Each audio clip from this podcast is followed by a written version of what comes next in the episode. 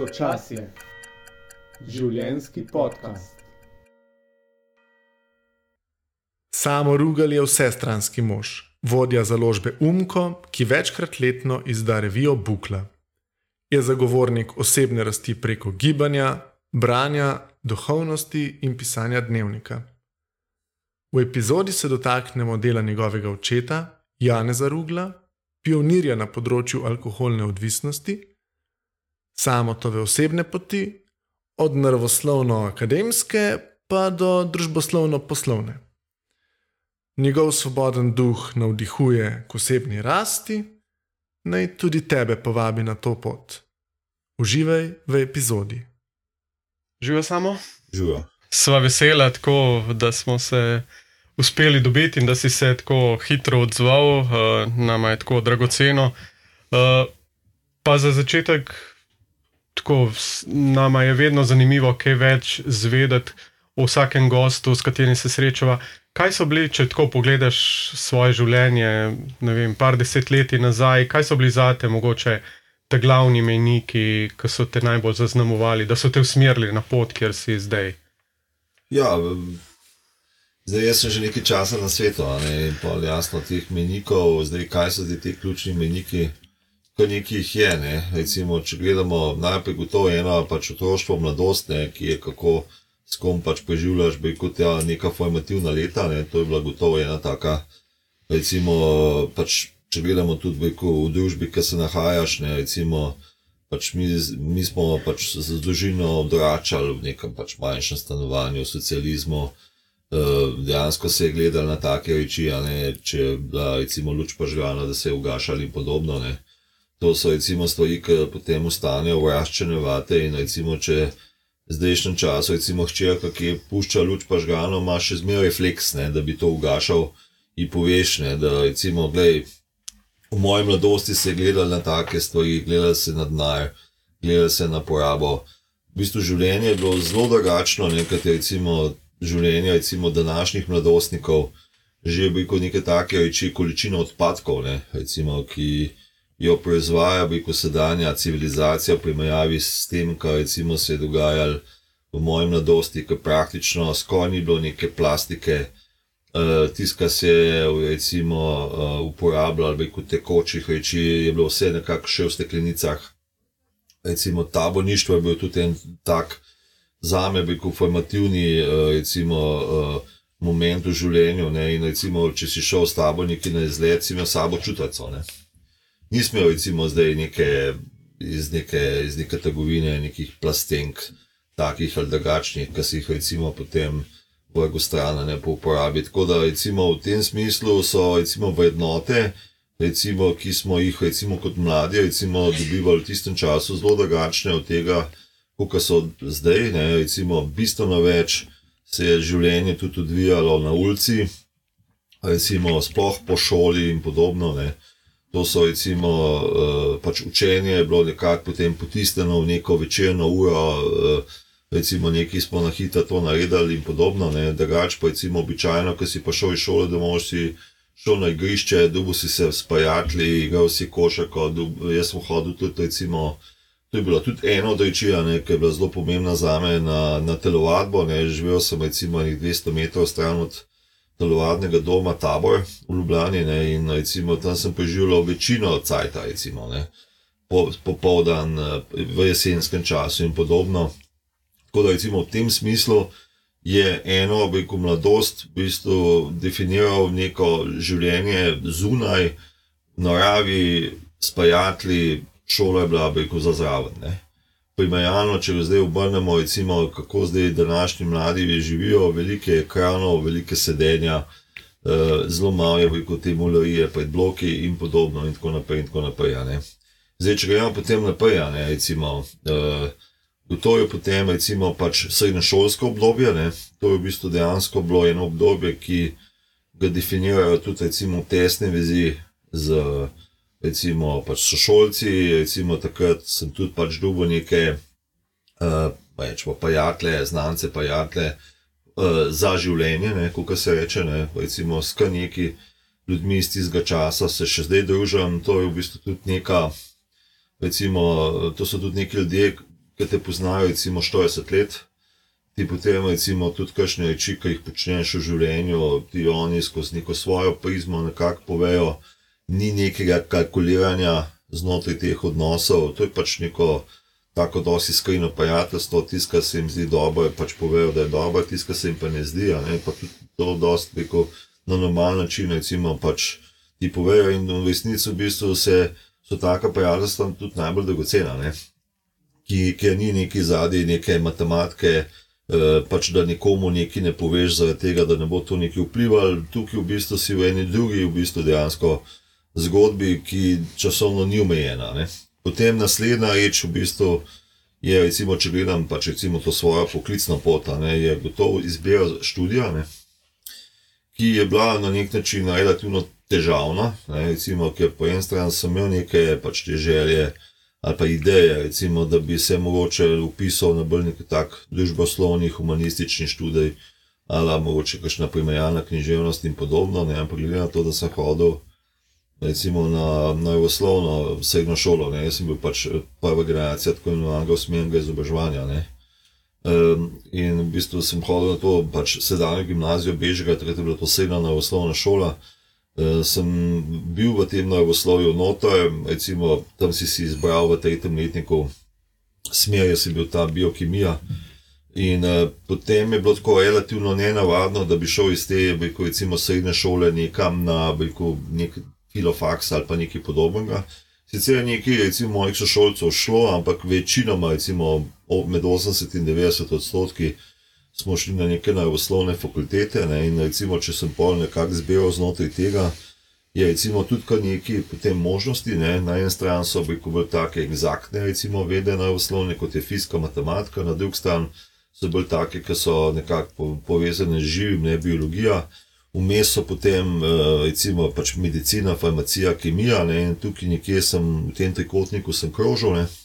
Slišim, da je to bilo kar zahtevno, ja, da se odločiti. Kaj pa, ja, pa, kaj pa je bila ta izbira? Ja, na koncu sem se odločil za farmacijo. Ne. In to je bil pač nek študij, ki je, recimo, če gledam zdaj retrospektivno nazaj, mi je bil všeč, mi je še zmeraj všeč, ki je združeval v bistvu na vsloje, ki je bila pač neka moja, tudi neka življenjska usmeritev. Ne tudi recimo, oče je bil rekel, recimo, medic, eh, zdravnik, eh, mama je bila medicinska sestra, tako da to je imelo na nek način eh, nek, neko zvezo. Ne. Eh, je pa jasno, da potem, ko se odločiš za nek študij, ta vse en definira do neke mere pač tvoje nadaljne življenje, recimo to pa to let v bistvu ukvarjanja. Farmacija še zdaj v bistvu se smatra za zahteven študij, eno je, ko so pač te dejansko razne tematike, od fizike, kemije, eh, medicinskih predmetov in tako naprej. To so recimo ena ta osnova, druga to, da je veliko tega praktičnega dela, veliko laboratorijskega dela, eh, te vaje, tako imenovane, čas potekajo čez cele dneve in tako naprej. In glavno se to mentalno okupira. Ne. Tudi potem, eh, jaz sem diplomo delal na inštitutu Jožef Štefan, ne, na enem relativno, takrat relativno novem področju biofizike in uh, v glavnem pač potem te jasno, eno odločitev za študij te v bistvu zelo definira to pa to let življenja in tudi na nek način tvoj odnos do sveta. Ne. Recimo, ko se v ene stvari, recimo pač nekako, recimo, dosti globoko spustiš noter, recimo, ne vem, patofiziologija, farmacevtska kemija, vedejo o zdravilnih rastlinah in podobno, ne. Potem imaš tudi generalno rekel, do rekel, življenja, do telesa, do vsega tega. Ne. Pač mogoče drugačen odnos kot recimo nekdo, ki, ni, ki ima za sabo družboslovno študijo in v resnici nikoli ni resno poglabljal v delovanje recimo nekih rekel, telesnih procesov in podobno. Ne. Te lahko ja. sam malo prekinem. Uh, prej si omenil pač. Uh, Oče in mama, oba dva iz teh uh, medicinskih, ja. torej bolj naravoslovnih vod. Uh, Pa mogoče bi se mal na to navezal, kako pa je tudi pač tvoj oče bil vseeno že takrat dosti verjetno poznan tudi z njegovim delovanjem na področju zdravljenja alkoholizma in odvisnosti. Kako pa je tudi ta del njegov mogoče vplival na te? Ja. Zdaj, če gledam, veliko recimo dejansko rečemo otroštvo, on uh, je recimo uh, se s tem alkoholizmom začel ukvarjati nekje v začetku 70-ih let. Ne. Jaz sem bil dejansko takrat še zelo mlad, sem bil star mogoče 4-5 let. Uh, zdaj, kaj se recimo tako konkretno spomnim, je to, da v bistvu dejansko je bil šef te rekel, bolj, bolnice, ne, recimo Škofeca. Ne. Škofec je bilo pač en tak, bi rekel, hos- recimo kot zdravstveni objekt, kjer so v bistvu v tistem času alkoholike še hospitalizirali. Ne, to ni bilo ambulantno zdravljenje, ne, eh, da so ljudje pa šli na posvete in podobno, ampak so bili pač tam fizično nastal- m, locirani, ne, tako da so to zdaj neki bolniki, ki rabijo neko, nek tretma. Ne. Takrat je bila taka, ko bom rekel, uh, pač nekako uh, uh, logika rekel, zdravljenja alkoholikov, ne, ki se je potem s časoma, ali pa bom rekel, relativno hitro spremenila. Ne. Moj oče je takrat v začetku 70-ih let, to je bilo leta 72-73, to je približno 50 let nazaj, se je povezal z nekim hrvaškim, recimo psihiatrom, alkohologom Vladimirjem Hudolinom. Ne. In on je pa takrat nekako promoviral nekako ustanavljanje klubov zdravljenih alkoholikov. Ne. To je bilo pa že bolj ta ambulantni pristop, ne, na nek način neka kombinacija, pa ne bom zdaj recimo poslušalcev v zvezi s tem, ki je dosti utujal, recimo neka kombinacija, tako kot so se anonimni alkoholiki, uh, recimo zdrav, samo zdravili, ne, in bi kot neke strokovne, strokovnega, bi kot recimo njihovega tretmaja, ne, in je potem oče po tem zgledu začel ustanavljati klube zdravljenih alkoholikov po Sloveniji, ne.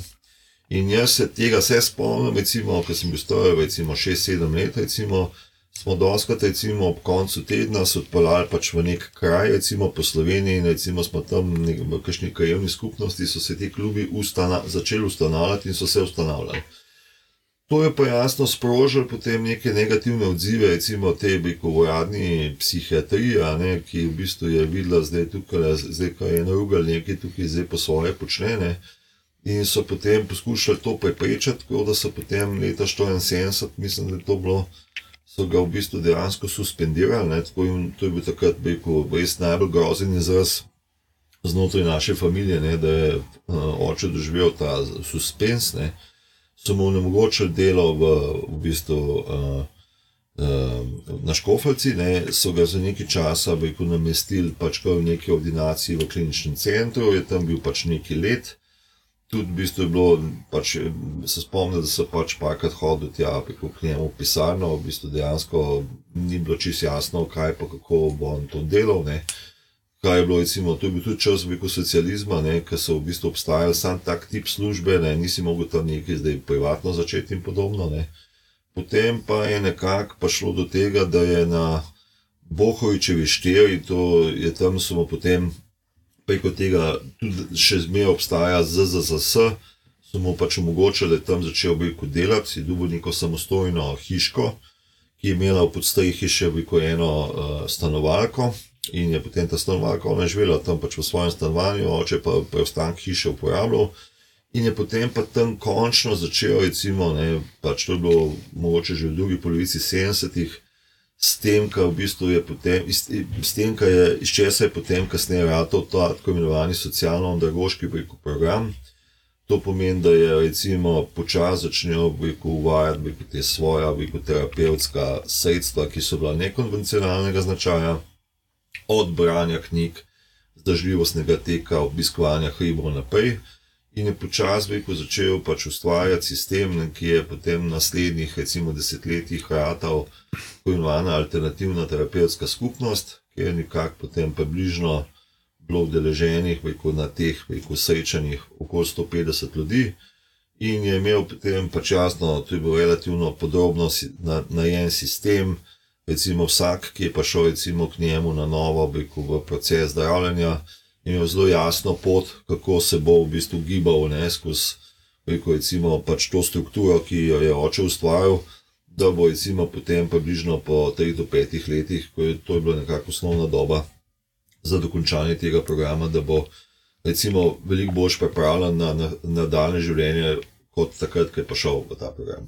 Kako pa je to na te vplivalo, mislim, ta vajen odnos, ker se zdi po eni strani, saj iz tvojih knjig, zapisov razberemo, pa tudi iz tistega javnega obnavl, ob, objavljanja, kar ga je, da si fizično tako zelo aktiven, cela družina, pa na drugi strani ukvarjanje s knjigami, ta pomembnost. Eh, Zdaj, tukaj so recimo različni vidiki. Ne. En vidik je recimo čista, veliko oseben, intimen. Ne. Jaz sem recimo imam pač to osebno izkušnjo, da potem, ko sem končal veliko z vojaščino, ne, takrat smo hodili pač LA, jaz sem bil v Beogradu eno leto. Na različnih dveh lokacijah, potem, ko sem se vrnil nazaj in začel študij, me je oče povabil, če bi recimo bil nekako, če bi bil bolj aktivno deležen pri tem njegovem delu, da bi ga bolj spoznal. Ne. In se mi je zdelo to oči zanimivo, ne. recimo tako, da sem se dejansko leta, to je bilo leta 87, vključil v bistvu v ta program kot nek zunanji opazovalec. Ampak to pomeni, da sem praktično tedensko hodil v bistvu na sestanke neke konkretne skupine, da sem recimo potem, ker je bila enkrat na mesec ta tako imenovana alternativna terapevtska skupnost, da sem recimo bil tam prisoten, to so bili tako dolga te, taka, te dolgi sestanki po 4-5 ur, da sem recimo pri nekih posebnih recimo dogodkih, kjer je oče imel kakšne recimo goste, recimo sodeloval in tudi počel enake stvari, kot, je, kot so jih počeli v pozdravljenci in to sem recimo delal nekje 3-4 leta. In skozi to sem recimo relativno dobro spoznal njegovo konkretno delo ne? in tudi zato, ker sem bil pač dobesedno del tega programa, poznal sem rekel, večino tistih ljudi, ki so takrat bili v bistvu pač znotraj te terapevtske skupnosti kot rekel pacijenti, ne sem na nek način lahko tudi bolj recimo, detaljno sodel o rečemo, tem, kaj ta program je. Ker jasno, na njega so se pa stalno zlivale razna gnojnica. Ne. Recimo, lih v času, ko sem recimo, jaz končal srednjo šolo in sem se pripravljal za spremne izpite iz, na farmacijo, da bi treba pač spremne izpite delati se spomnim, da sem se tam na moju učil še pač en predmet anatomija, ki ga mi v srednji šoli nismo imeli, je bil pa eh, en od predmetov za spremni spit. No, takrat, takrat sem bil 119 let ne, in sem dobil pač nekako obvestilo, da je oče v bistvu dejansko se odpravil na gledovno stavko v Tinje, ne, v Avstrijo.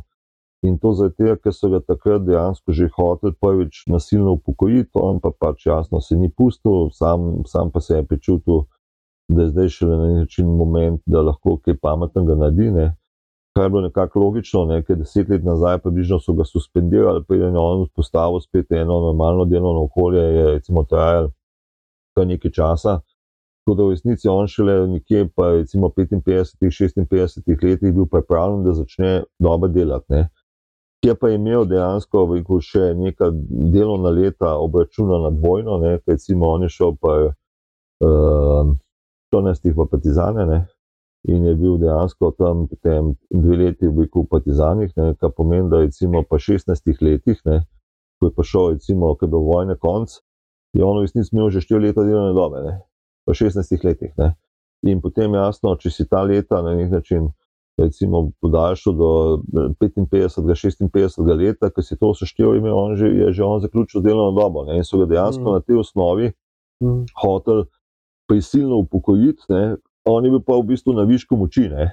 In tudi ne samo na višku moči, zdaj je šele na nek način razumel, ne, kako v bistvu bi lahko rekel, pa ljudem dejansko res pomagal, ne, ker je pa tudi v bistvu imel pa tudi neko to logiko. Ne, Da to, kar bi rekel, klasično, bi rekel, psihiatrično zdravljenje ali pa tudi psihoterapevtsko zdravljenje, ki temelji na sedenju in govorjenju, ne, To pomeni, da pač nekdo ima neke težave, pride k nekomu, ki sedi na sestank, na neko, neko seanso, in potem zdaj tam dve osebi sedita ne, in reko, govorita, kaj ne bi se spremenili. Ne. Moj oče je ugotovil, da so to reko, neprimerne metode.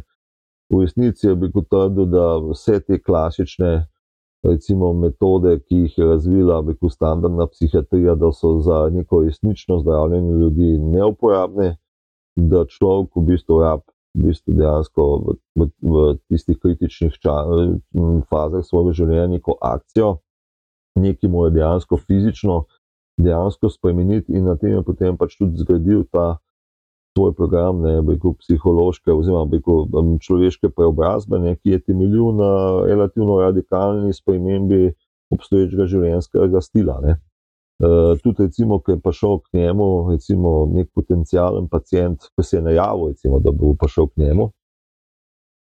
In to je bilo, doskrat se je to dogajalo, recimo v nedelo, ne, ker recimo čez vikend so recimo pač ljudje mogoče pa šli v neke biko, kritične situacije, bodi si, da so imeli neke težave z alkoholom, pa so se potem neki konflikti doma sprožili in podobno. Ne. Tako da imamo veliko teh nedeljskih klicev ne, in so ljudje dejansko takrat bili pripravljeni, mislim, tis, pa šli bi tudi v nedelo, biko, na posvet. Ne. Ampak na, na ta način on ni funkcioniral, vsak mu je rekel takole. Glejte, rekel, imate, recimo, uh, lahko vam dam termin ta pa ta, ne, recimo, mogoče v toku enega tedna, s tem, da dejansko mi morate pa napisati, recimo, življenjepis ne, od, uh, od rekel, rojstva pa do danes. Ne, in recimo so mogli to tudi poslati. In že na tej osnovi, ki je on to recimo, potem uh, recimo, prebral, ne, pred, pred, pred nekim srečanjem, je on že zelo dobro pogled, kdo je ta človek ne da je zdaj tam on začel sprašovati, kako je kot recimo zdaj vidva mene, sprašuje ta veliko mladosti. On je že dubo neko sliko, ne? uh, kasneje v bistvu je potem še ta veliko svoj model nadgradil. In, uh, ki je v bistvu se je doskrat zgodil, pa tudi naslednje. Ne? Ljudje so veliko imeli krizo, so poklicali, so bili takrat pripravljeni vse obljubiti, potem jih pa ni bilo.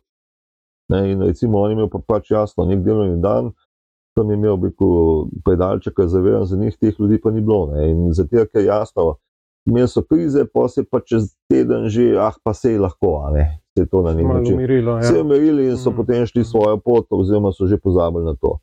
Tako da bi je potem nadgradil s tem, da so mogli potem še na nek način dati noto, recimo takrat so bili dinari, ne, so mogli dati nek bankot nota, ne, recimo ne vem, 500 dinarjev, ali pozabil sem dejansko te, te denarne enote. Ne, da so s tem biku garantirali, da bodo res prišli in ta biku potem, recimo, s tem so si na način rezervirali biku uro, potem, ko so prišli, so dobili ta denar nazaj, ne? ampak jasno, če nekdo mogel poslati denar, potem gotovo je prišel po ta denar. Uh, pa, ja, sorry, no, ja, malo bi mogoče, da ne bomo čist zaš, zašli. Uh, Sej, to je tudi zanimivo, ampak vse me pa zanima, ker si prej omenil, po eni strani te zunanje napade torej javnosti, strokovne javnosti na očeta, po drugi strani pa tudi ta, kar se spomnim, njegova odsotnost, ki je pač odšel tudi iz vaše družine. Kako je pa ta del na te vplival? Mislim, to je za enega mladega človeka neka traumatična situacija. Ne? Recimo, on se je odselil približno konec osnovne šole, ne? recimo moje, ne? in recimo, predvsem ta srednjošolsko obdobje, ne? takrat je bil v bistvu relativno malo prisoten recimo, v mojem življenju.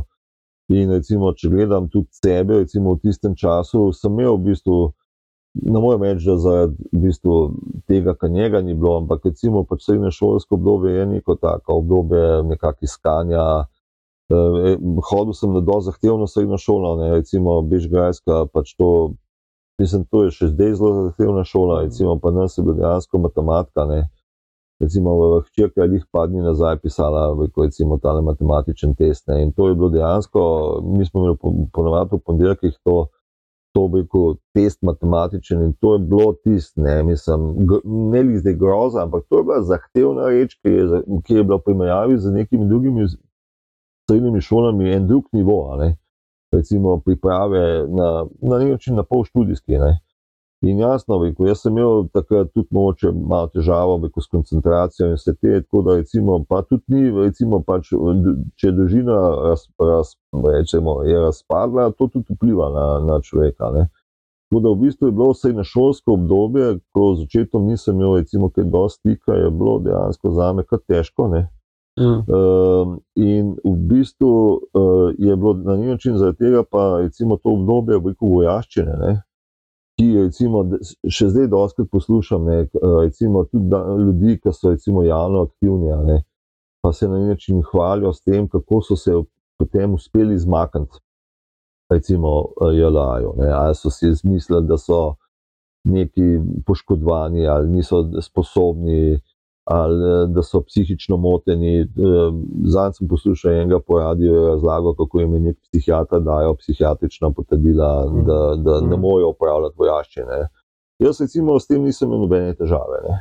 Jasno bi rekel, da mi ni bilo prav, da sem mogel zdaj za eno leto iti nekam v vojsko, ne, ker to je bilo na nek način izgubljeno leto, plus bi rekel, tam si res prišel v nek popolnoma čuden svet, veliko neke hierarhije in nepotrebnih ne, ne zahtev. Ne. Ampak vse drugo polovico vojaščine ne, sem jaz zelo dobro izkoristil, ker sem opravljal pač neko delo. Jaz sem bil zaposlen v neki fotokopiranci, v neki uh, zgradbi, ki se je ukvarjala z vojaškimi stanovanji v Beogradu. Ne, in sem večino časa lahko bral. Uh -huh. ne, to je bilo dejansko neko, neko biko, obdobje, ko sem imel veliko časa za branje. Moja mama, mi smo imeli recimo, doma recimo, to zbirko 100 romanov, ne vem, če jo poznate. Uh -huh. uh, Glavno, to je bila legendarna zbirka, približno 150 knjig, 100 romanov, in mi je ona lepo en roman za drugim pošiljala v Beograd. Uh -huh. In jaz sem lepo v tistem času bral te svetovne klasike, in do neke mere mi je dal ta čas tudi neko možnost, da sem nekako sam pa se, recimo, mogoče se malo bolj stabiliziral. Ne?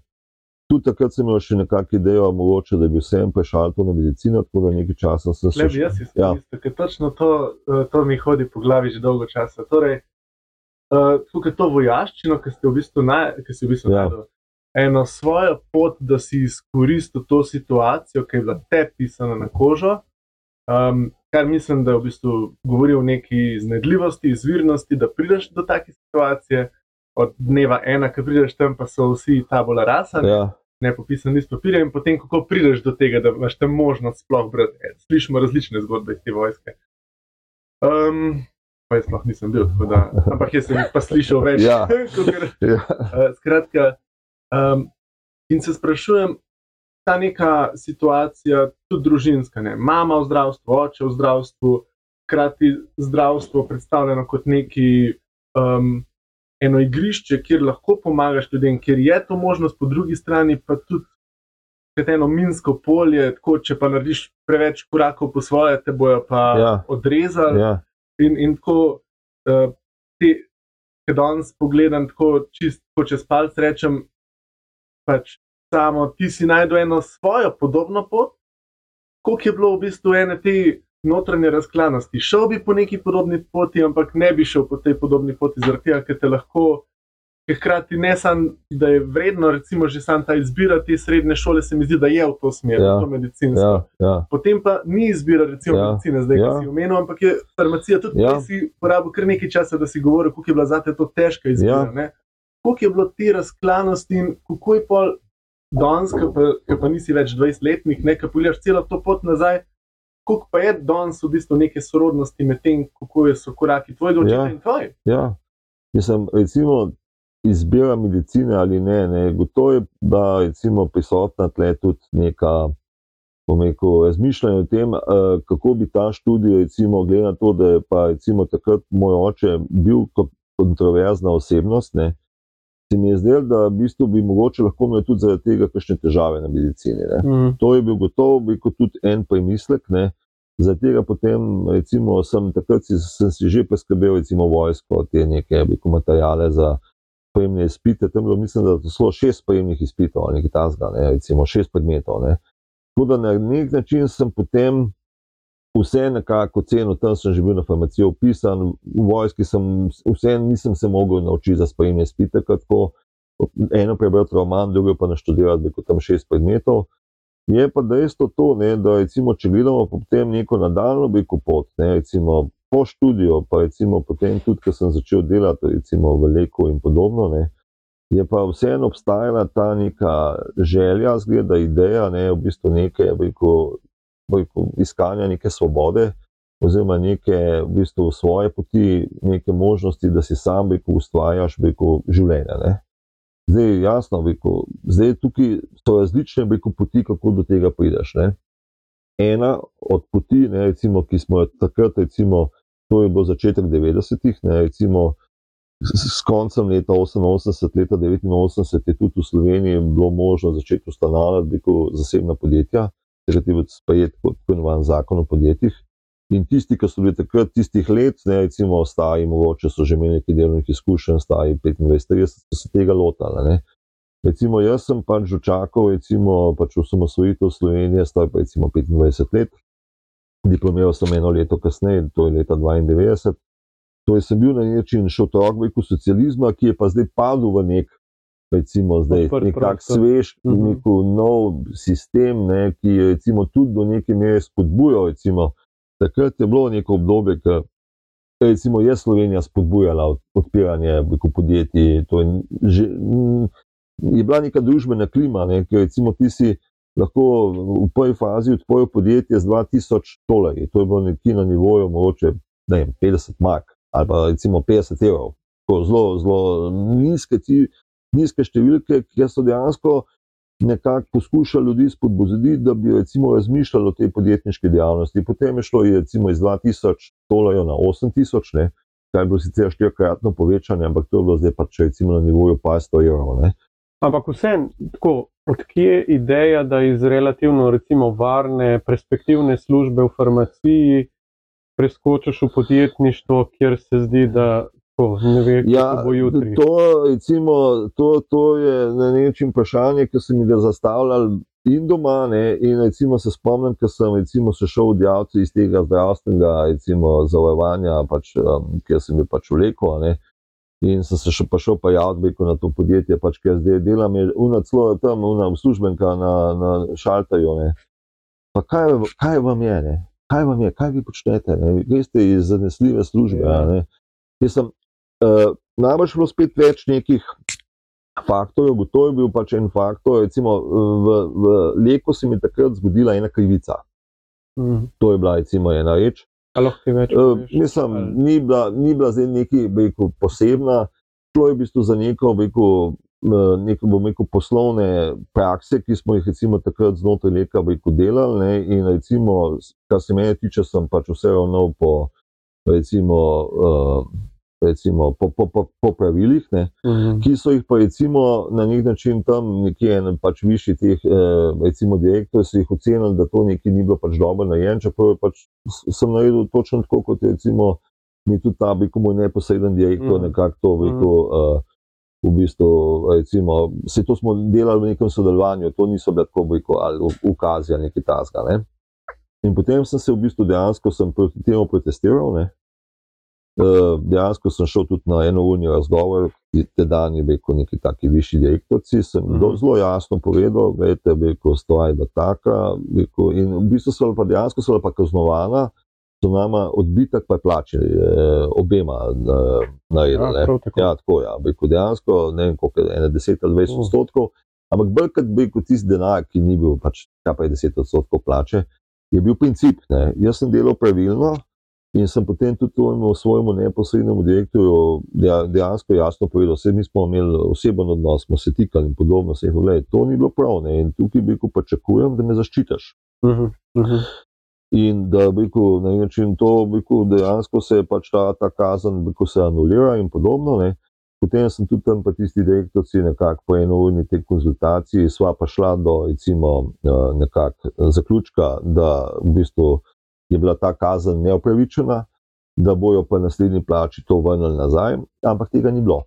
Mhm. In za me je bilo to, rekel, pač jasno, itak sem že imel tako idejo, ne, da mogoče to ni moja dolgoročna pot, to je bil pa sam še kamenček čez. To ne fer se sliši. Mislim, je bilo nefer, je bilo nefer, če bi Mhm. mm. tako, ampak recimo, če, če imaš ti idejo, bi rekel, korporativnega človeka, ne, da bom v tisti korporaciji, bom jaz, rekel, nekako ta moja življenjska pot, potem greš mimo tega. Pač v, v neki firmi se zmeraj dogajajo, rekel, nepravice. Če imaš pa ti itak neko željo nečesa drugega, ne, recimo tako tudi nekje rekel, prisotno. Pote pa taka zadeva samo dokaz, ja, čakaj, mislim, tle jaz nimam zdaj niti dobre perspektive, tako gledajo name. Jaz sem takrat že delal približno tri leta tam, v bistvu sem tisto delo tudi eh, nekako obvladal. Sem bil kvečemu, recimo nekje, recimo, uh, uh, sem želel, da mogoče se razmisli, če bi jaz lahko tam pač kje napredoval v tisti, tisti hierarhični sceni. In v bistvu je potem en tak moment bil bolj impuls, da, da je bilo zate, čakaj, bi rekel, zdaj tukaj le prvič v bistvu neka rečva, nepravičnost, drugič v bistvu to potem generalno kaže tudi moje perspektive. Tretjič imam rekel, mogoče kakšno alternativo in rekel, četrtič v bistvu želim na nek način neko svobodo in ustvarjati nekaj drugega. Ker je pa dejstvo to, da sem pa recimo v tem farmacevtskem delu, v tem rekel, uh, Jaz sem bil nekako v neki taki komercialni zunanji trgovini, v bistvu nisem užival. Ne. Uh -huh, uh -huh. To je bil rekel, osnovni rekel, problem. Pač jaz sem bil tam, seveda, rekel, na čist rekel, zelo dobrem delovnem mestu. Ne. Sem dejansko imel neko območje, ki sem ga komercialno pokrival od, od Irana pa do Indonezije. Ne. To je v bistvu bil moj teritorij, kamor sem hodil, tudi recimo službeno. Ne. In to Mhm, kot mulj mhm. star 28 let. In za nekoga je to sanska služba, ne, da se tam voziš v, z avionom v poslovnem razredu, piš biku, pač v dobrih hotelih, hodiš biku na večerje s tamkajšnjimi poslovneži in podobno. In se dogovarjaš biku za pač neko, neko prodajo. Jaz sem se ukvarjal s prodajo farmacevtskih izdelkov. Ne. Kaj pa je zmanjkalo? Kaj pa je manjkalo? Manjkalo je pa v bistvu neka vsebina. Ne, Mhm. uh -huh. recimo, in pač vsebina, to pa zdaj veliko jasno lahko govorimo zdaj o mojem odnosu do knjig in vsega tega. Ne, in v bistvu je te, te, te knjige, vse ta, to življenje s knjigami, ki je v bistvu bilo od otroštva. Ne, Recimo, pač mama me je vodila recimo, na ure pravljice, ker sem bil star pač 5-6 let in podobno. Ne. To se je vse nekako v meni ustalo in je nekje v bistvu potem bila neka želja, da bi se recimo pač poskušal recimo, uh, bolj vsebinsko tudi nekako ukvarjati z nečim, ki bi imel še vsebino, poleg komerciale. Ne. In je to, recimo, če bi nas kdo zdaj videl, bi razumel, da če daš nas tri skupaj, uh, je ena teža, ampak če daš knjige v tem prostoru skupaj, je pa verjetno to več, kot naše teže skupaj. Pa smo več Ja. v prostoru tukaj napram sosednjim, ki je še Ja. polnih knjig. Um, koliko je to samo en drug medij za sorodne vsebine, če rečemo, ruglovske vsebine? Ja, mislim, eh, zdaj, moj oče je bil tudi rekel, človek, ki je bil s knjigami neposredno povezan. Ne, to, to je bil, je bil človek, ki je verjel v to, da knjiga lahko spremeni človeka, lahko vpliva na njega. Tudi v bistvu on se je večino stvari, ki si jih v bistvu dejansko uh, naučil, se je naučil iz knjig. Tudi recimo biblioterapija, ne, to je neko, v nekem smislu zdravljenje s pomočjo knjig. To je on v bistvu prakticiral že dejansko 40-50 let nazaj. Ne. Recimo, zdaj sem jih videl, recimo, uh, bo februarja išla v uh, angleščini ena knjiga Biblioterapija. Ne. Je ena, bi gospa, nisem še podrobno pogledal, ker izide čez par mesecev. Je napisala pač neko knjigo, ki je v bistvu ima na koncu tudi spisek v bistvu knjig za razne teme. Ne? Mm. Eh, Recimo, pa, ne vem, pa za depresijo, pa za ne vem, samoto, pa ne vem kaj. Ne? Različne type knjig, ki recimo pri teh problemih pomagajo. Ne? To je moj oče že 50 let nazaj, vse mislim. Recimo, tudi, recimo, ko je prišel kakšen pacient k njemu, je imel tako, recimo, kot pa jaz tukaj letale, recimo, kupček knjig, je on imel tudi tako, recimo, kupček, recimo, teh biblioterapevtskih knjig, ne. In jaz sem gledal, recimo, osebo, ne, kakšne težave ima in kje je knjiga bila za njega primerna, ne. To je praktično od njega si težko odšel brez knjige. Ne. Zdaj, jasno, na eni strani je bil psihiater, ampak je bil gotovo psihiater, ki je bil najbolj povezan rekel, s knjigami. Samo recimo, kaj je možno. Ne. Tudi recimo te legende, da recimo je on za eno uh, hišo denarja pustil v knjigah, da so recimo iz knjiganja na botičnik mu vzeli z malim takim um, recimo dostavnim vozilom nove knjige in je potem on zbiral, kaj recimo bo pač kupil, kaj ne bo. Da imel naročenih veliko 50-60 revij in časopisov. V glavnem svet knjig in njegovega dela je bil tako prepleten, ne, da bi bilo čuden, če ne bi, recimo jaz, ki sem bil tudi nekaj časa res tesen del te zgodbe, če se mi ne bi to nekaj pa jedla. Ne. In če lahko za nekoga, ja. ki si sploh ne predstavlja, kako bi lahko knjiga naredila karkoli dobrega za njega, če smo lahko konkretni, par stvari, zakaj v bistvu je vaš oče, tudi vi, Ja. ja. tvoj oče, tudi ti, zakaj stoji za tem, da knjiga pomaga. Zakaj stoji? Ja, uh, zdaj, recimo, kako lahko rekel, pride do rekel, človekove neke spremembe, preobrazbe. To je zdaj v bistvu dejansko to vprašanje zmeraj skrivnost. ne.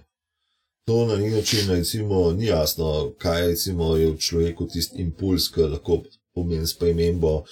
Recimo nekdo, ki je ne vem, alkoholik, da se na neki točki odloči, da tega ne bo več počel. Eno je to, da se ti odločiš, da boš nehal piti, ne? drugo pa to, da potem strajaš. Ne?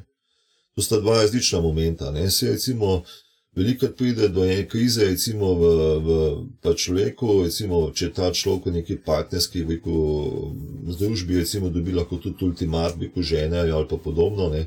In potem so on dejansko obljubne, odločce, ne, da ja, ne bom več, ne, ampak od tukaj to je, še, to je šele en moment. Ne. Drugo pa to, da je to generalna odločitev. In zdaj pri teh odločitvah ne, so pa zdaj, recimo, kaj recimo je tisto, da recimo pomaga, da pa te odločitvi ustrajaš. To je zdaj rekel, težko na to odgovoriti, ne? ni rekel zveličavnih odgovorov. Ampak kaj so, recimo, altern- kaj so možnosti? Ne? Eno je to, da zamenjaš družbo. Recimo, če imaš recimo, neko pivsko družbo, s katerimi se dobivaš, recimo, vem, vsak teden ali pa vsak dan, ja, z njimi se ne moreš več dobivati, ne? ker te bojo hitro nastaja pota. ne. Mhm, mhm. To pomeni, da recimo si najdeš drugo družbo. Ne? Zdaj, recimo, oče je nudil to drugo družbo ne? znotraj sistema, svojega sistema. Uh, in recimo, ko si prišel k njemu kot bi rekel nek zdravljenc, si dobil mentorja.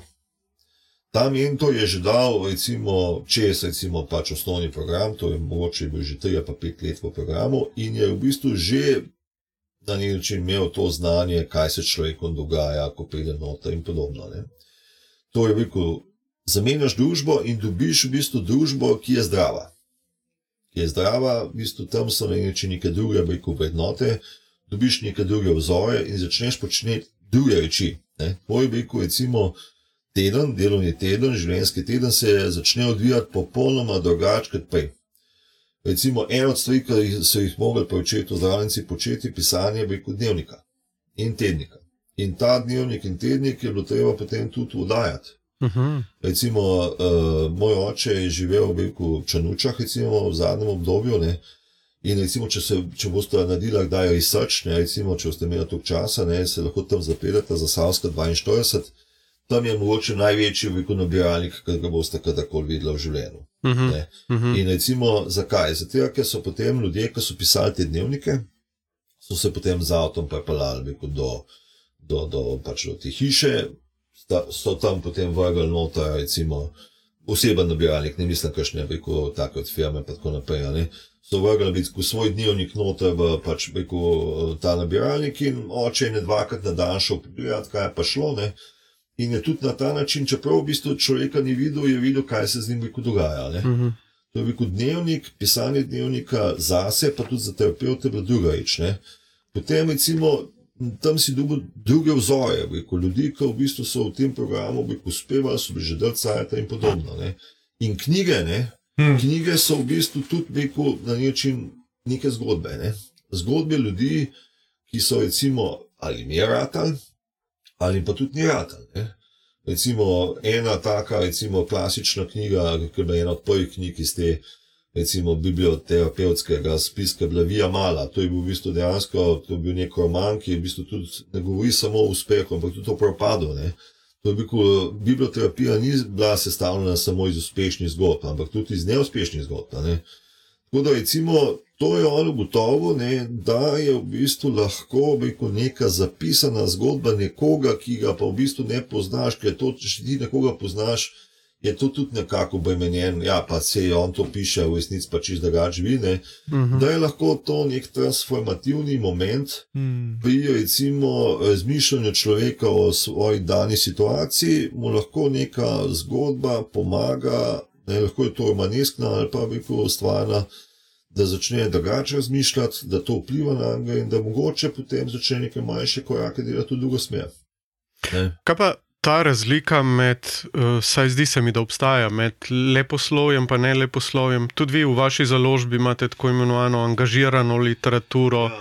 Uh, No, zdaj to je pa, recimo, zdaj, zakaj mi take knjige izdajamo, je spet pač so neki zgodovinski razlogi. Ne? Uh, recimo, pač, ko smo se mi začeli malo bolj resno z založništvom ukvarjati, recimo, bila recimo ta slovenska knjižna krajina predvsem tako eh, razporejena, da je bilo večinoma so slovenske založbe, te pomembnejše, so bile eh, osredotočene na leposlovje.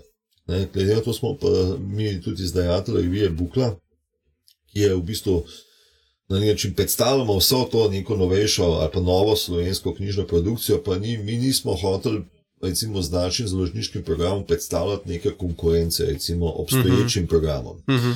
Zato smo iskali recimo, nekaj, kar bi nas osebno pritegovali, in po drugi strani, da bi pa našli nekaj novega, ne? da bi na, načenjali nekaj že obstoječega. Ne? In smo pač našli recimo, to, ta stvarni program, recimo, ne, stvarno literaturo, recimo neke knjige, ki recimo, so v nekem smislu tudi primerne za neko telesno, osebno preobrazbo. Jaz pač jasno, ker sem imel veliko teh stikov, recimo z branjem, recimo tudi teh raznih psiholoških in podobnih knjig, ne še iz očetove knjižnice, sem ugotovil, da ogromno knjig, recimo, ki recimo, so obstajale v jugoslovanskem prostoru v obliki srvo-hrvaščine, jih mi potem niti v prevode nismo dobili. Tako da smo na nek način potem začeli pomalem, recimo z izdajanjem nekih klasik, teh psihoterapevtskih, nekih sodobnih, recimo knjig na to temo. Potem smo pa pač širili program na tiste, recimo, smeri, v tiste vsebine, ki smo jih tudi nekako osebno poznali. Ne. Recimo, jaz sem pač poleg recimo farmacije, potem magistriral iz ekonomije, sem imel neko znanje iz tega področja, ne, tako da sem se čutil kompetentnega tudi zbirati knjige iz tega področja, povedati. V enem obdobju je v bistvu sodeloval recimo, z nami, bil je en prevajalec Sandy Kodrič, ki je recimo, bil tudi moj sošolci srednje šole, ne, že prej rečen, da recimo, se takrat vzpostavljajo močne vezi uh -huh. in so skupaj zastavljali nek tak tudi knjižni program, recimo, ki je obema ustrezal, hkrati ga po Sloveniji ni bilo in iz tega je potem recimo, v zadnjih pač 10-20 letih nastal približno tam recimo 250-300 knjig, ne, ki imajo neke trdne temelje v tem, kar v bistvu smo dobro poznali, kaj je bila neka osnova. V bistvu je bila tudi ta očetova knjiga, ki smo jo izdali v polnatisu leta 2008 pod samo izničevanje. Uh -huh, uh -huh. In to je bila pač knjiga, ki je v bistvu vsebovala vse temelje, ki smo jih potem tudi kot založba razvijali naprej. To je knjige o neki športni, telesni aktivnosti, zdravem življenju. Uh -huh nekem duhovnem življenju, nekem intelektualnem življenju, življenju, ki je upeto v aktualno družbo. Knjige, v bistvu, ki nekemu aktivnemu človeku dajo lahko neke nova, ne, nova rodja za razmišljanje in delovanje v sedajnem svetu. Mm. Jaz bi tle rekel, da te knjižne police so res um, v zadnjih desetletjih čist na drugačen način polne vsebin, ki nas spodbujajo, da bi šli v to samo uresničitev. Um, In tle se mi zdi tako, ker sem prej na začetku poslušal, da uh, so bile ulice, da ste se igrali na ulici, zdaj so pa otroci doma zasloni. Um, da ste imeli čutare, zdaj imamo pa plastične flaše, torej, da včasih uh, ta, ostane ta, ta pogled, stvari je treba očuvati, skrbeti za njih, danes pa jih pač menjamo. Um, ali pa recimo danes je tudi ta pogled, da ali si prvi, ali pa je malo vse en, če sploh si. Ne? Kako se recimo ta pogled, da si prvi, ali pa da, da te sploh ni kosa z idejo samo uresničitve, ker pa v bistvu je edini tekmovalec, ki je sam s sabo. Ne? A se tako s temi mladimi eh, pojavlja, kdaj je ta tema, kako vidiš to? Uh, mislim, jaz recimo če gledamo recimo, na eno stran svojo osebno, pa svojo poslovno pot, ne, recimo, če gledamo recimo, nas kot založbo, ne, to je recimo, kot nek tak primer nekega subjekta, ki v nekem konkurenčnem recimo, okolju nastopa. Uh, recimo, da je v Sloveniji mogoče med 20 in 30 takih pomembnejših založb, ne, in recimo, vse je to neka filozofija, ko imamo mi dva ženo, neki to založba vodva, je to, da mi nimamo ideje se širiti, biti največji, biti najboljši. Ne. Imamo pa idejo, da je to, kar počnemo, da za tem veku stojimo. Ne? In recimo, to je, bom rekel, kar lep primer nekakšnega sonaravnega obstoja in bivanja. Ne? To pomeni, da nimamo veliko ideje te neskončne ekonomske rasti, vsako leto več. Ne, v resnici smo, recimo, letos izdali, mislim, da pet ali sedem knjig manj kot lani. Mhm ker v bistvu smo ocenili, da smo jih mogoče lani preveč, da je mogoče to že vplivalo tudi na našo človeško, vitalno, energetsko substanco, da v bistvu mogoče niti knjižni prostor ne more prenesti, recimo, tok naših izdaj. Tako da recimo, smo se mogoče v letošnjem letu odločili za neko slokačenje. Ne? Hmm. In uh, v nekem smislu, tudi če gledamo prihodnost, nimamo ideje se širiti biti večji, močnejši, pomembnejši. Ne, v bistvu dejansko zelo obratno. Ne. večina v bistvu tega, kar smo nekako želeli do zdaj narediti, nam je uspelo. In v resnici želimo delati predvsem to, kar recimo, res mislimo, da ta prostor potrebuje, ne samo tisto, aha, izdali bomo to knjigo, ker se dobro prodaja, ne, Mhm, mhm. ampak gradimo recimo pač naše prihodne vsebine na obstoječih smernicah. V slovenski prostor smo recimo v zadnjih desetih letih pripeljali kar nekaj vsebin, kar nekaj avtorjev, ki so bili do zdaj neznani. Če imajo ti avtorji pač nove knjige, ki se nam zdijo dovolj izvirne, da bi tudi recimo našemu družbenemu, kulturnemu, duhovnemu prostoru kaj dale, potem smo to pripravljeni izdati, oziroma smo tudi pripravljeni recimo za tem pol stati, da je to potrebno. Drugač pa recimo nimamo želje po neki biku širitvi. Ne? Mhm. V bistvu zelo obratno, ne? recimo moče celo recimo moja žena, ki je pač aktiven del cele te zgodbe že od začetka, je še bolj recimo nekako eh, recimo v tem smislu precizna, ne, da eh, o vsaki knjigi, ne, ker pač, ko se ti za neko knjigo odločaš, potem se odločaš v bistvu na neko sobivanje, ki je dolgo. Ne. Uh, recimo, če gre za eno zahtevno prevodno knjigo, od odločitve do izida je lahko tudi leto, leto pa pol, pa potem imaš to knjigo pred sabo leta in leta. Mhm. Tako da to je dolgoročna relacija ne, in, je zelo precizna pa temu, katero knjigo bi v resnici, za katero knjigo bi ona v resnici dala svoj čas. Ne. Mhm. Super istočnica. Tukaj pred sabo jih vidim uh, knjigo, ki si jo pred kratkim, tudi zdaj, par let nazaj, uh, ste jo izdali in si jo ti napisal v Soncu naproti. Ja. Uh, Če lahko povem tudi eno osebno anegdoto v pripravi na ta pogovor, sem pač med drugim tudi to knjigo prebral. In pač je doma uh, ležala na polici in je ženi tako padla v oči, najprej lepa naslovna fotografija, pa tudi uh, vsebina, ki tako nam je tudi ta del blizu, tako potovanje, odkrivanje novih krajev. No, in jo je pač tudi ona brala, in potem, ne vem, kakšen teden, mogoče nazaj, se vozila v avtu in Uh, tako smo imeli nek uh, nesporazum, majhen prepirček glede ene stvari, ne in pol, ki se nismo uspeli tako izmeniti, pravi. Uh, no, vidiš, a se spomniš, kako je samo napisal, ko sta bila tam v najhujšem trenutku na sred krete. Ona dva sta se uh, z ženo samo s pogledom spogle, uh, spogledala in sta vedela, pač, kako bosta naprej uh, šla. No. Dobro, to je samo tako kot en okvir, ampak tisk, mogoče mi iz tega izstopa, iz knjig, ko pišeš o vajnem odnosu, ženo, pa to, kar si zdaj povedal, da kako je to poslovno sodelovanje, pa pač na drugi strani tudi ta oseben odnos, ki se zdi tako, da vseeno.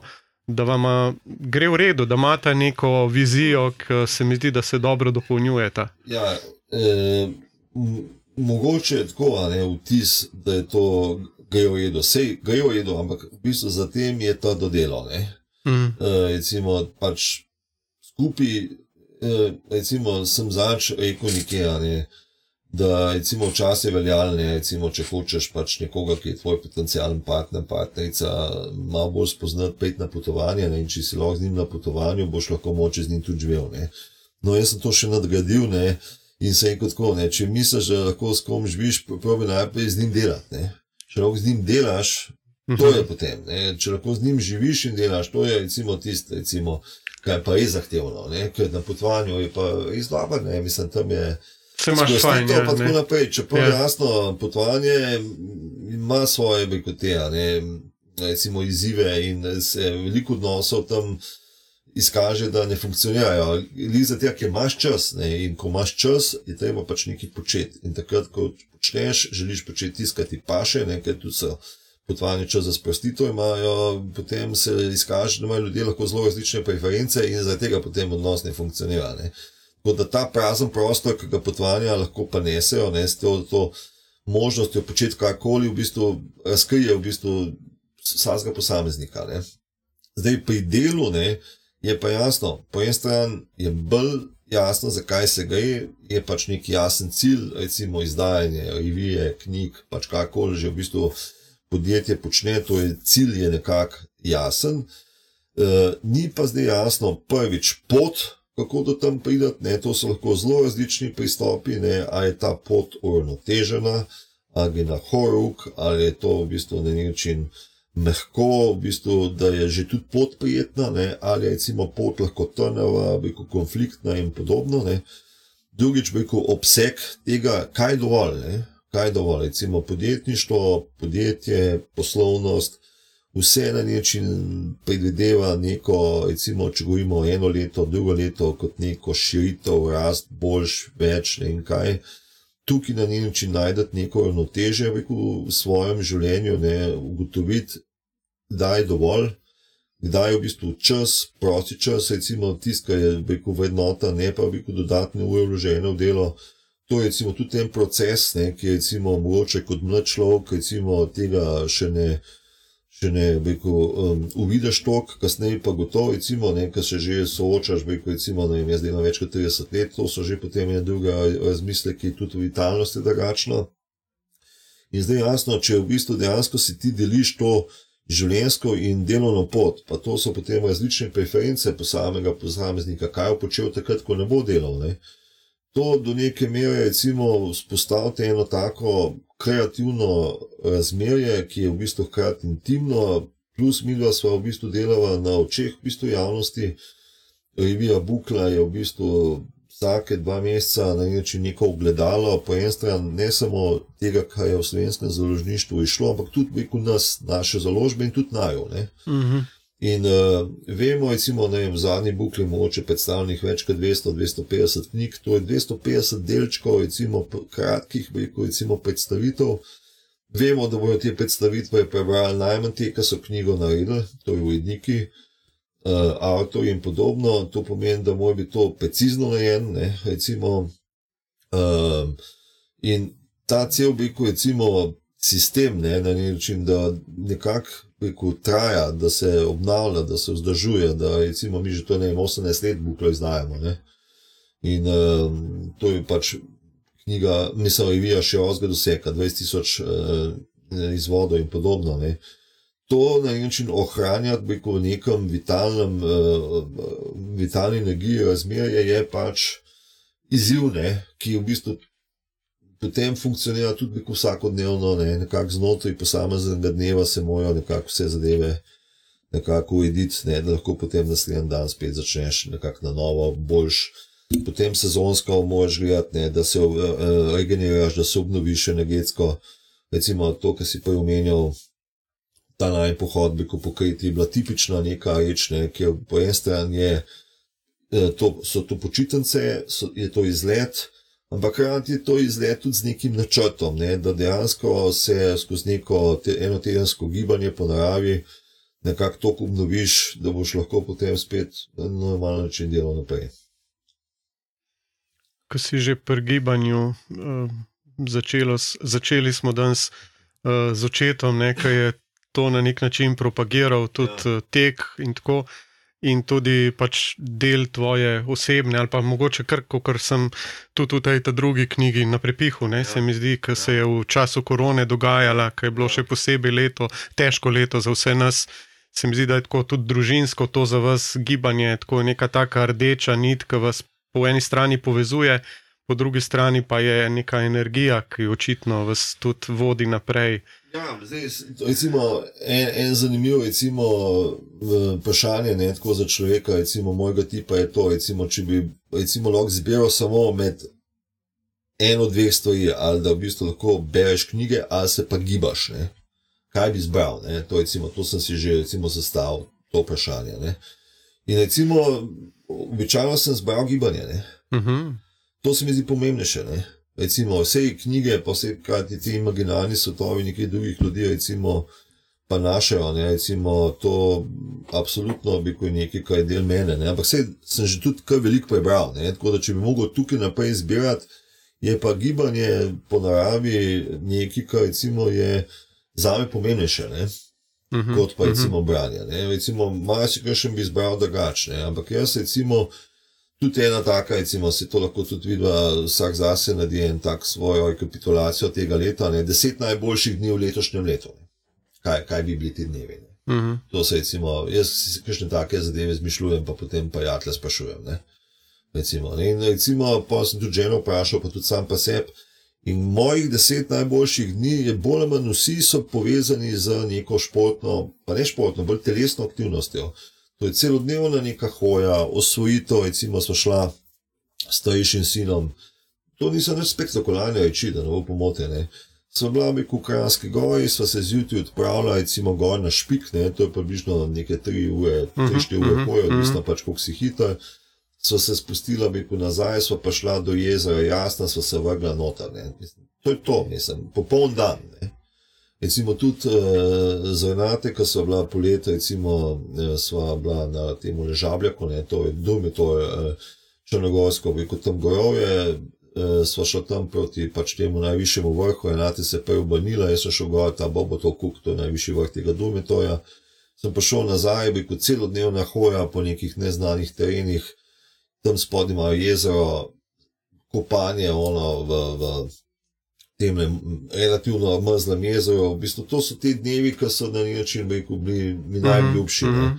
Polet sva bila, recimo, sva imela možnost, da bila tri dni v Angliji in sva šla tam po eni njihovi pešpoti. Ridgeway, ne, to je recimo njihova kao najstarejša pohodna pot, tam ljudje hodijo že več kot 5000 let. In so tam tri dni hodila, mislim, zjutraj sva pač v nekem pubu, sva tam pa spala, sva cel dan hodila po nekih takih grebenih, sva se potem zvečer spustila dol spet v dolino, sva spet pa spala naslednji dan naprej. Ne. Recimo, Mhm. To so bili moji najboljši dnevi, recimo, ne, če bi zbiral. Ne, ne dnevi, Super. ko smo sedeli pa delali, pa uh, kaj šla knjiga. Ne. Mhm, mhm. To ni, mislim, mogoče tisti dan, ki je šel moj roman, ne, ki letos je šel, to je bil seveda pomemben dan. Ampak večinoma so bili dnevi, ki se dogajajo v neki aktivnosti, v gibanju, tisti, ki so mi na način pustili največ sledene. Mm. Mhm. Ko se pač počasi moramo tudi posloviti, ker je to, pa tudi mi dva imamo še naprej. Uh, vsakega gosta tako ob koncu vprašava tudi uh, prav na to temo, in se mi zdi, da je to mogoče uh, zate še posebej uh, vprašanje zanimivo ali pa tudi ne težko.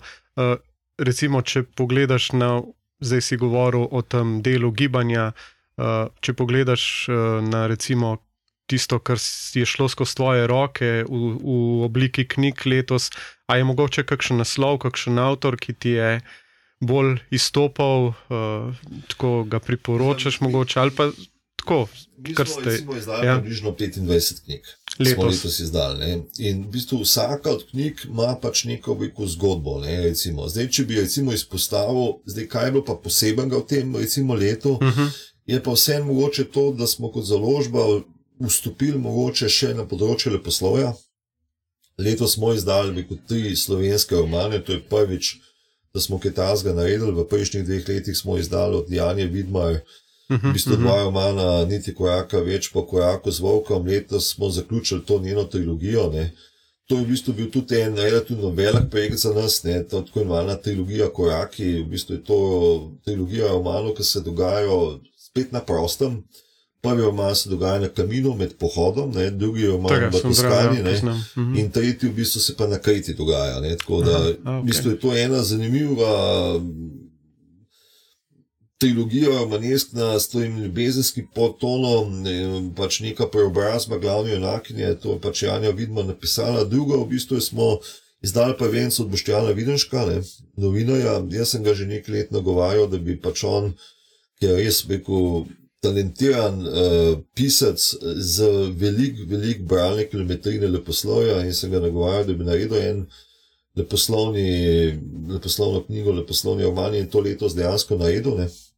In tretje je to, da v bistvu sem jaz po petih letih uspel dokončati svoj drugi roman in ga pač objaviti. In recimo to je mogoče nekaj posebenega, recimo znotraj naše letošnje, bi rekel, knjižne produkcije v primerjavi z prejšnjimi leti. Ne. Mhm, mhm. Drugač pa recimo, je bilo pa letošnje leto recimo posebno ali pa recimo značilno potem, da recimo smo nadaljevali recimo uh, izdajanje knjig avtorjev, ki so že v našem veku programu. Ne. Kar nekaj knjig smo izdali, recimo ena recimo taka, mogoče zanimiva za poslušalce, ne Strto srce. To je ena raziskovalna novinarka Florence Williams, ki je pred leti že napisala knjigo o originalu Nature Fix eh, v prevodu Narava zdravi in popravi, to je neki zdravilni in blažilni učinki narave ne, na človeško telo. Je v bistvu se dejansko z soočila z razpadom svojega odnosa, razmerja. Ne. Po 25 letih se je šla s svojim možem in to je bilo za njo zelo težka izkušnja, in je potem pa vzela to izkušnjo kot neko um, kot izziv, kot neko raziskovalno vprašanje, ok, moje srce je zdaj starto, ne, to je hard, heartbreak, ne, je naslov v originalu. Zdaj bom pa šla do vseh teh znanstvenikov in bom najprej njih vprašala, kaj to pomeni, starto srce, kako to lahko oni izmerijo. ne. Uh -huh, uh -huh. Ali se to recimo da tudi fizično zmeriti, recimo pač ta sprememba v človekovem telesu, ne, recimo če je nekdo recimo uh, strt, ne, recimo čustveno in podobno. Ne. Mhm. In drugič bo rekel, kaj mi lahko pomaga. Kaj mi lahko pomaga, da bom jaz iz tega prišla ven, ali moram iti v naravo, ali moram recimo si pa, pa m, privoščiti nove moške, nove razmerja, no, nove eksperimentirati. In v bistvu to je ena knjiga, dosti celovit pristop vseh teh beku, uh, variant, ne, beku, od novih izkušenj do beku, pogovorov z znanstveniki. Ne. In je potem, recimo, ta knjiga dobila recimo, tudi nagrado za najboljšo znanstveno knjigo ne, v letošnjem letu, in je to v bistvu neki točno tega, kar recimo, mi pač poskušamo z našimi knjigami delati. To je neka osebna izkušnja, ki jo potem poskuša ta avtor, avtorica nekako zgeneralizirati in napisati nekaj, kar bi bilo potem tudi za nekoga s podobnimi recimo, težavami, neka knjiga, Aktualno. ki jo bi lahko najdel kaj dobrega za naprej. Mm, super. Se mi zdi, da bi lahko še govorili v nedogled, tako da, da smo se sam dotaknili nekih ma, malenih vsebin. Eh, Pač, ko izdaš neko 400 knjig, ko imaš tri izobrazbe, ko delaš 40 let. In v osnovi je bil dejansko, eh, tako jaz kot žena, v resnici to, kar delava, tudi živiva, ne? in to, kar živiva, tudi sam, eh, sa- samo to, kar rekel, dejansko živiva, tudi govoriva. Ne? Uh -huh. In uh, se je pa res tega, kar nekaj nabral. Ne? Tako da, kjerkoli v bistvu stopiš v noter, ne se recimo nekega teka, se sploh nismo dotaknili. Tako je, pa je to. Pa je to recimo neko, neko, tema ja, zase, ja. neko območje, ki recimo je bilo napisanih več knjig ne, na tem področju. Oče moj v bistvu dejansko bil en od velikih popularizatorjev trajnostnega teka. Ne. Uh -huh. Je svoj čas vodil po sto ljudi, recimo v Radence in podobno. Ne. Tako da pač jasno, se je to nekam prijelo. Pogovor tudi, ne? je omejen ja. v ja. času in prostoru. in mogoče ostaja še prostor za kdaj drugič. Ja, tudi lahko. Tako da res najlepša hvala. Hvala prav... vama, da ste se pripravljali in da ste to tudi zelo obliku zanimivo vprašanje postavljali. Okay, hvala, hvala samo. Hvala. hvala.